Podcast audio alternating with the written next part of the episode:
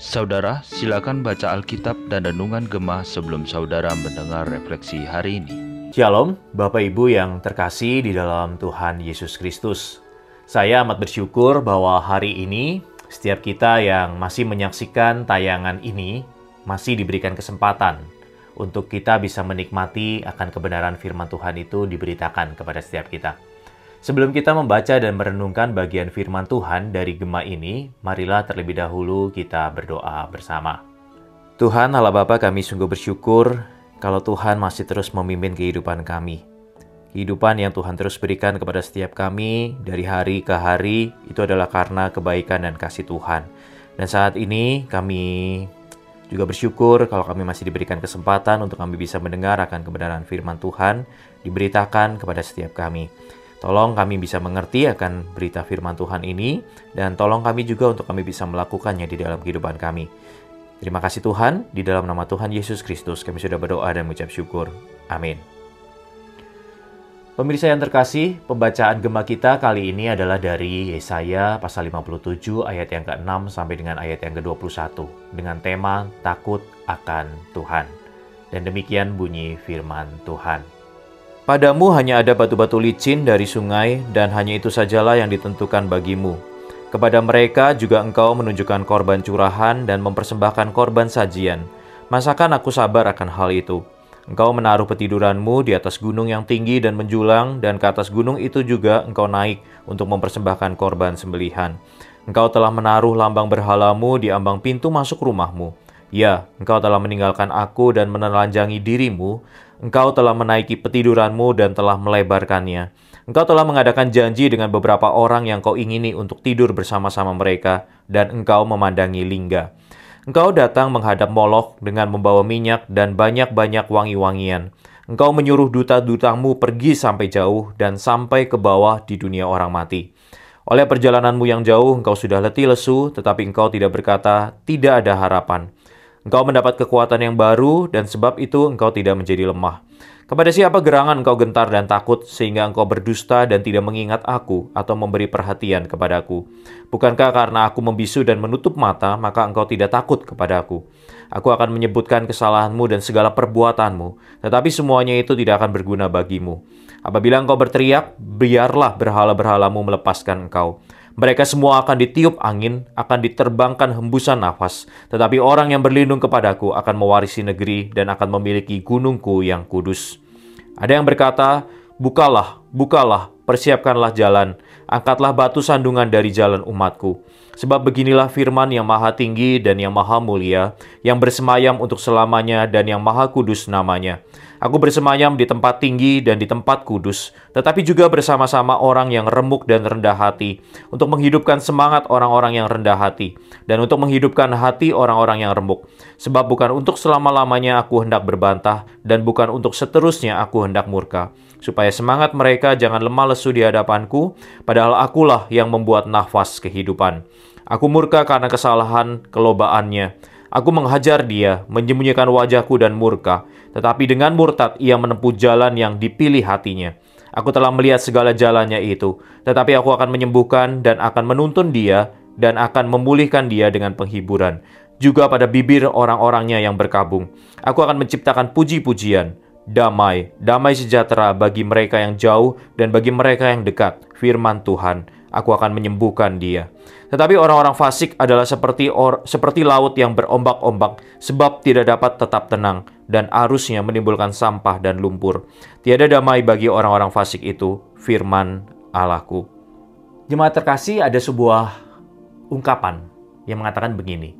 Persimpangan jalan akan menjadi tertib kalau di persimpangan jalan itu ada polisi yang berjaga. Karena yang membuat pengendara tertib di persimpangan jalan bukanlah rambu-rambu lalu lintas atau lampu pengatur jalan raya, tetapi polisi. Lelucon atau sindiran sarkas ini mungkin sering kita dengar. Kalimat atau pernyataan atau ungkapan ini memaparkan sebuah kebenaran bahwa sikap dari manusia yang cenderung untuk memberontak atau tidak taat. Hal inilah yang menjadi fokus dari teguran dari Nabi Yesaya di dalam perikop yang baru saja kita baca bersama tadi. Sejak kejatuhan manusia ke dalam dosa, manusia mati secara rohani. Hati manusia tidak dapat lagi mencari Allah yang menciptakannya, dan ia berpaling kepada ciptaan. Manusia tidak dapat menemukan Allah yang kudus dan yang maha mulia, sehingga mereka mencari keselamatan dari hal-hal yang mereka pikir mereka bisa temukan di sekitar mereka, yaitu benda-benda mati yang sebetulnya tidak dapat menolong mereka. Yang menjadi masalah adalah Yehuda yang mengenal Allah ikut meniru kebiasaan masyarakat yang tidak mengenal Allah. Bapak Ibu bisa membaca di ayat yang ke-6 sampai dengan ke-7. Mereka melupakan perbuatan Allah di masa lampau saat Allah menebus mereka dari perbudakan dan memimpin mereka memasuki tanah perjanjian. Allah mengumpamakan umatnya ini seperti seorang istri yang berzina dengan meninggalkan suami yang begitu mengasihinya ada di ayat yang ketujuh dan ayat yang kedelapan. Perzinahan mereka dilakukan tanpa malu dan tanpa ragu. Kata menelanjangi diri menggambarkan akan perbuatan ini. Mereka menyerahkan diri kepada Moloch dengan senang hati. Sampai dikatakan bahwa mereka memakai wangi-wangian yang banyak untuk menghadap Moloch. Bapak Ibu terkasih di dalam Tuhan, penyembahan kepada Moloch ini bahkan sampai membawa kepada kematian yaitu mereka mempersembahkan anak-anak mereka untuk dibakar hidup-hidup sebagai korban bakaran kepada Molok. Bapak Ibu bisa membaca di dalam ayatnya yang kelima. Lalu pertanyaan kita adalah kenapa umat Yehuda sampai bisa melakukan hal-hal tercela seperti itu? Kenapa mereka yang sudah mengenal Tuhan dapat beribadah kepada ilah-ilah dan dewi-dewi yang lain? Jawabannya diberitahukannya oleh Allah sendiri di dalam ayat yang ke-11. Allah bertanya kepada mereka, "Kepada siapa engkau gentar dan takut, sehingga engkau berdusta dan tidak mengingat aku atau menaruh aku dalam hatimu?" Orang Yehuda beribadah kepada ilah-ilah dan dewa-dewi karena mereka tidak benar-benar hidup di dalam takut akan Tuhan. Tuhan bertanya lagi kepada mereka, Bukankah karena aku sudah lama membisu maka engkau tidak takut kepadaku. Tuhan tahu bahwa orang Yehuda tidak takut akan dia karena Tuhan itu bersabar dan tidak serta-merta menghukum kejahatan dan dosa mereka. Allah memberi kesempatan kepada mereka. Kesempatan demi kesempatan untuk bertobat. Karena apa? Karena Allah itu setia kepada perjanjiannya. Dan Allah itu pengasih serta penyayang. Namun justru bangsa Yehuda menganggap enteng kesabaran, kemurahan, dan kesempatan yang Allah berikan kepada mereka. Sehingga mereka beranggapan bahwa Allah akan selalu bersikap baik kepada mereka. Namun di dalam bagian ini kita diingatkan bahwa Allah tidak dapat dipermainkan. Mereka yang menyembah berhala, mereka akan celaka. Dan mereka yang berlindung kepada Allah akan mewarisi negeri dan akan memiliki gunungnya yang kudus. Bapak Ibu bisa membaca di ayat yang ke-13. Lalu pertanyaannya bagi kita adalah, apakah kita semua selalu hidup dengan takut akan Tuhan? Saat ini mari kita coba untuk belajar untuk terus hidup takut akan Tuhan. Hidup takut akan Tuhan bukan karena kita takut akan murka dan penghukuman Tuhan, tetapi karena kita takut akan kita takut akan Tuhan karena kita mengingat dan melihat bahwa Tuhan baik kepada kita dan kita tidak mau menyakiti hati Tuhan. Mari kita belajar untuk coba melakukan sedikit demi sedikit setiap perintah Tuhan yang sudah kita baca dan kita tahu. Kita juga belajar untuk tidak melanggar setiap larangan dari Tuhan yang kita juga sudah baca dan kita tahu dari Alkitab. Hidup takut akan Tuhan akan bertumbuh seiring dengan bertumbuhnya kasih kita kepada Allah kita.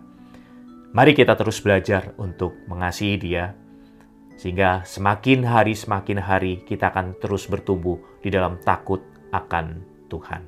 Mari kita tundukkan kepala, kita berdoa. Tuhan Allah Bapa kami sungguh bersyukur kalau firman-Mu pada hari ini terus mengingatkan kami. Bahwa di dalam hidup kami ini seharusnya kami hidup takut akan Tuhan.